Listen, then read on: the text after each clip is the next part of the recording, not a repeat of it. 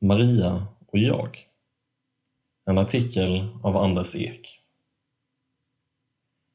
I en del kyrkor i världen finns det statyer och bilder på Maria överallt och bönen Ave Maria bes flera gånger om dagen. I andra kyrkor nämns Maria bara någon gång om året. Hur ska vi egentligen förhålla oss till Maria? Frågan om hur man ska förhålla sig till Jesu moder Maria är en av de frågor som skapar splittring mellan kristna.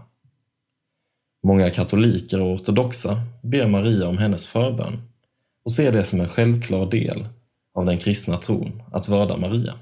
I protestantiska sammanhang talas det oftast inte särskilt mycket om Maria. Eftersom Bibeln inte säger att vi kristna ska be till och vörda Maria är detta ingenting som protestantiska kristna gör. Många protestanter tycker nog att det är teologiskt felaktigt, men också helt onödigt och obegripligt att lägga vikt vid Maria. Det är väl vår Gud och hans son Jesus som vi sätter vår tilltro och vårt hopp till. Medlare mellan Gud och människa. Vissa ger väldigt förenklade och nedlåtande förklaringar till varför de ortodoxa och katolska kristna tror som de gör om Maria. Till exempel att Maria fyller en funktion som en moderlig och öm medlare mellan Gud och den troende. Istället för att tro på Jesus som medlaren mellan Gud och människor tror man på Maria. En annan förklaring är att det i de hedniska religionerna fanns gudinnor som dyrkades och att tron på Maria är ett slags rest av detta. Kanske ligger det något i dessa förklaringar. Jag skulle dock även vilja understryka att det finns bibliska grunder för att lägga vikt vid Maria.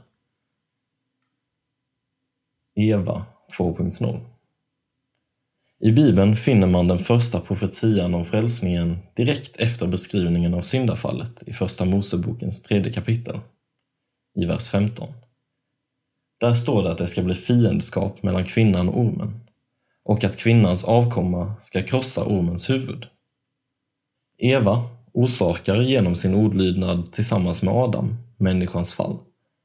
Men genom kvinnan Marias lydnad till Gud genomförs Guds upprättelse av människan. I denna kontrast mellan Eva och Maria såg de tidiga kyrkofäderna, med all rätta, något väldigt viktigt och utifrån iakttagelsen började man använda titeln den andra Eva om Maria. Maria är lika med Guds folk. Det finns också en del antydningar i Bibeln som visar på att Maria på ett särskilt sätt representerar Guds folk. I Lukas evangeliets beskrivning av mötet mellan Maria och ängeln Gabriel används en formulering som verkar vara hämtad från profeterna i Gamla testamentet. Från Sarkarja och Sefania. Ängeln säger Gläd dig, du som fått nåd. Herren är med dig. Lukas evangeliet kapitel 1, vers 28.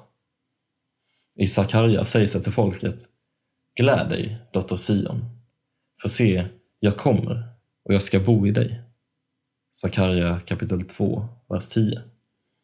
Och Sefania Jubla, dotter Sion. Ropa och glädje, Israel. Herren har tagit bort straffdomarna från dig. Herren, Israels kung, bor i dig. Sefania kapitel 3, vers 14-15.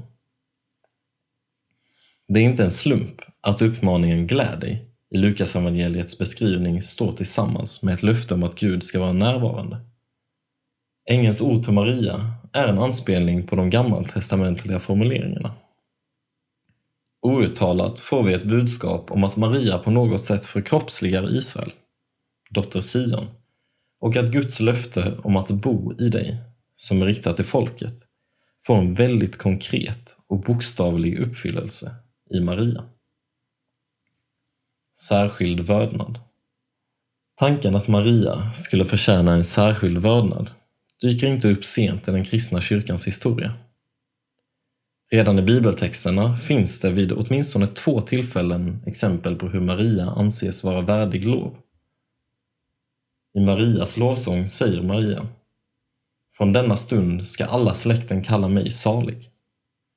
Lukas evangeliet kapitel 1, vers 48 Och strax tidigare i kapitlet utbrister Marias släkting Elisabet Välsignad är du bland kvinnor och välsignad är din livsfrukt. Lukas evangeliet kapitel 1, vers 48. Särskild betydelse. Ser man till allt detta tycker jag inte att tanken att Maria skulle ha en särskild betydelse för oss kristna framstår som så underlig. I bibeltexterna finns det ett underlag för att ge henne en särskild plats bland alla de heliga, det vill säga bland de kristna som gått före oss i tron. Inte för att hon i sig själv, i sin person och natur, var något speciellt, utan för att hon hamnade mitt i centrum av hela historien och Guds frälsningsaktion och att hon litade helt och fullt på Guds nåd. Maria är på det sättet ett tydligt föredöme och exempel för oss. Skriften som rättesnöre En reformatorisk princip, som dock bör gälla, är att pröva varje lära utifrån skriften. Det är uppenbart att det finns klara överdrifter i vördandet av Maria i kyrkan. Ingenstans i Bibeln sägs det att man bör be till Maria. Och när en sådan praktik blir det mest centrala i en människas tro, så måste man säga att han eller hon övergett den mest ursprungliga bibliska förståelsen av den kristna tron.